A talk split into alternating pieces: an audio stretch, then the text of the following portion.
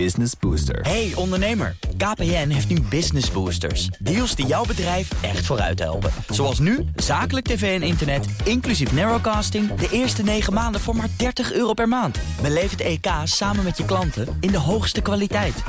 Kijk op kpn.com slash businessbooster. Business Booster. Studio Den Haag. Ja, wordt het de koning of de vicepresident van de Raad van State... of toch de oude bekende Herman Tjenk Willink of Johan Remkes? De verkiezingen zijn pas 22 november... maar toch wordt er nu al gepraat over de formatie van de nieuwe regering. En dan vooral over de rol van de verkenner.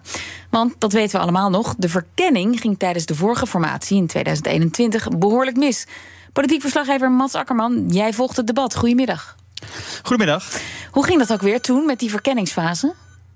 Ja, nou ja, eigenlijk zijn er dus helemaal niet zo heel veel regels voor vastgelegd. Uh, 22 november hebben we verkiezingen, maar dan hebben we nog niet gelijk een nieuwe Tweede Kamer.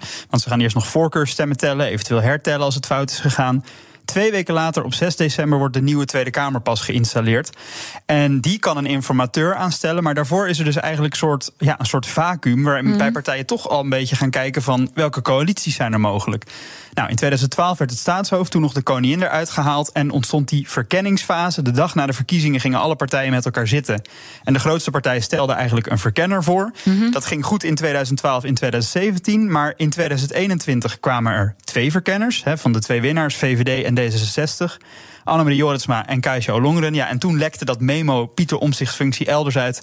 Ja, en toen is eigenlijk gewoon die complete uh, het verkenningsfase helemaal mislukt. Ja, dat is, dat is een soort trauma. Dus de Kamer wil meer transparantie over die verkenningsfase. Maar er zijn verschillende smaken. Welke opties liggen er? Ja, er is een evaluatiecommissie geweest. Die hebben gezegd: kies nou gewoon altijd één persoon met afstand tot de huidige politiek. De Raad van State heeft nog een alternatief gegeven, namelijk het kan ook een vast ambt zijn. Bijvoorbeeld altijd de vicepresident van de Raad van State of een mhm. voorzitter van een van de twee kamers.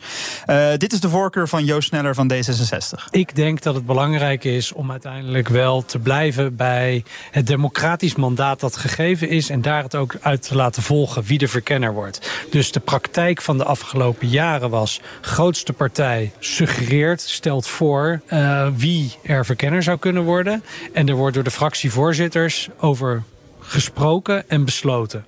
En dat lijkt mij een hele goede gang van zaken. Alleen die kan je wel nog iets transparanter maken en het ook van tevoren wat duidelijker uitspreken. Ja, dus gewoon één duidelijke afspraak. Grootste partij stelt iemand voor en daar wordt dan over gestemd. Iemand met afstand tot de huidige politiek. Uh, het CDA daarentegen, die pleit voor een terugkeer van de koning. Je hoort Bart van den Brink. Wat we zien is dat uh, de formatie met name aan het begin uh, heel snel weer heel politiek werd in de afgelopen jaren. Vooral in 2021. en juist in die fase is rust en tijd nodig. mensen komen uit de verkiezingscampagne. we moeten naar de formatie. Er moet een samenwerking gebouwd worden. En dat vraagt om een onafhankelijk persoon. in andere landen is dat het staatshoofd die op dat moment eh, de leiding heeft om eh, die gesprekken te voeren. En daarom zeggen wij, ja, dat is bij ons de koning. Ja, dus hij zegt elke keer moeten kiezen wie het wordt. Dat maakt het hoe dan ook politiek. Dat willen we juist niet. De koning is onafhankelijk als verkenner. En daarna kiezen wij dan zelf wel een informateur. BBB en SGP zijn het daar bijvoorbeeld ook mee eens. Er is één ding waar iedereen het wel over eens is. Die bijeenkomst van alle fractievoorzitters de dag na de verkiezingen. Dat willen ze liever een dag later, dus vrijdag na de verkiezingen. Zodat iedereen niet meer helemaal in die verkiezingscampagne-modus is. En heel eventjes kan afkoelen er gepraat later zit je niet meer in die modus. Nou, wel iets minder dan de ochtend erna, Kees. Hopelijk. Ook bij ons is oud-Kamervoorzitter Gerdy Verbeet. Goedemiddag.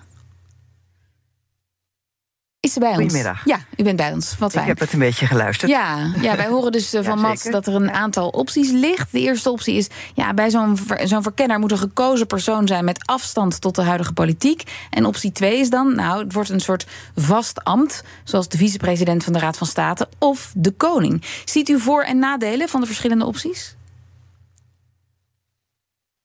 Zeker. En het belangrijkste nadeel vind ik dat je niet een ingezette route, zeg maar, dat doen ze nu 10, 12 jaar. Dat moet je uh, volhouden. En dat is uh, voor alle partijen uh, ja, voorspelbaar dat het gewoon de Kamer zelf is. Het is echt een brevet van onvermogen aan jezelf geven als je niet in staat bent om na de verkiezingen, en dat mag best een dag tussen zitten, gewoon de, de, de, de grootste partij, of dat nou één of twee zetels eh, meer zijn, maakt helemaal niet uit. Je geeft de grootste partij. Uh, ga kennen. U viel even weg, mevrouw Verbeet. U zei, uh, uw belangrijkste argument was...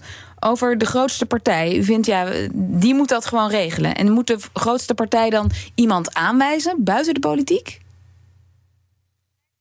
Ik denk dat we even opnieuw. Nou, dat vind ik, dat kan. Dat kan. Ja, bel mij anders maar gewoon. Ja, we, bellen u zo nog even terug. Ik ga eventjes naar Mats.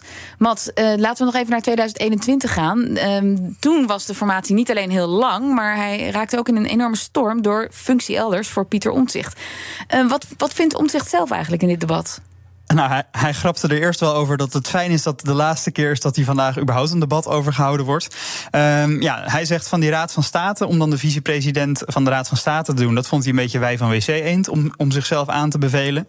Uh, de Tweede Kamervoorzitter is per definitie niet altijd onafhankelijk, want die wil soms herkozen worden. Mm. Ja, de Eerste Kamer, dat, dat vond hij een beetje een bevet van ongemogen om het daar uit te besteden. Uh, maar dit zijn de ideeën van omzicht over de verkenningsfase. Nou, moet in ieder geval uh, wat gestructureerder zijn. Dus uh, samen met Volt en uh, Ja21 heb ik een voorstel liggen... dat je elke zes weken in de Kamer praat over hoe staat het met de formatie. Dus dat niet de oppositie elke week een debat wil... en degenen die aan het onderhandelen zijn... het soms wel tien weken of twaalf weken proberen uit te stellen... zoals vorige keer gebeurde. Dus wat rustige, regelmatige tijdstippen om te kijken wat er gebeurt. En ik denk dat, het, dat we straks die verkennen krijgen. Dat is dus de persoon die op de tweede dag na de verkiezing benoemd wordt... en in kaart moet brengen wie er zou moeten beginnen. En die verkenner, dat moet niet meer een actief politicus zijn. Dus dat moet iemand zijn die op afstand staat van de politiek. Geen Eerste Kamerlid meer, geen minister meer. Maar iemand die wel de politiek begrijpt, maar niet politiek actief is. Ja, dus hij zegt vaste afgesproken termijnen in de formatie... en iemand op afstand van de politiek. Hij benoemt dan bijvoorbeeld de ministers van staat... die eretitel die je kan krijgen. Nou, dat zijn er op dit moment acht. Bijvoorbeeld Herman Cenk Willing, die het al vaak heeft gedaan. Uh, of bijvoorbeeld de jongste daarvan, Jan-Peter Balkenende. Ah, die zou het ook kunnen zijn. Ja, mevrouw Verbeet, u bent weer bij ons. U zei ja. net, het moet toch echt de grootste partij partij zijn die dan iemand aanwijst. En bedoelt u dan iemand uh, die buiten de politiek staat, of in ieder geval buiten de huidige politiek? Nou, dat is wel het verstandigste om iemand te nemen die enige afstand heeft. Uh, ik vind alleen dat je het helemaal niet meer kunt aandoen om het nog een keer aan hem te vragen. Daar is ook heel duidelijk over geweest. En wat, uh, wat heel belangrijk is, is dat het uh, niet de Raad van State is. Dan ga je echt dingen door, dan maak je echt een huttekluts van. Dat moet je gewoon niet doen. Dus iemand die echt die taak gaat verrichten. En ook vooral vaste momenten geven, of dat nou zes weken of kort of langer is. in mijn geval kreeg ik op de dag dat, dat de Prinsjesdag toen was en de dag erop werd een nieuwe Kamer ge geïnstalleerd. En die dag gaf Henk Kamp mij zijn advies als verkenner. En, dat, en dan moet je eigenlijk bij het debat wat er dan volgt in de Kamer weer uh, zeggen over hoeveel weken wil je. Ik vind zes weken nog vrij lang, moet ik eerlijk zeggen.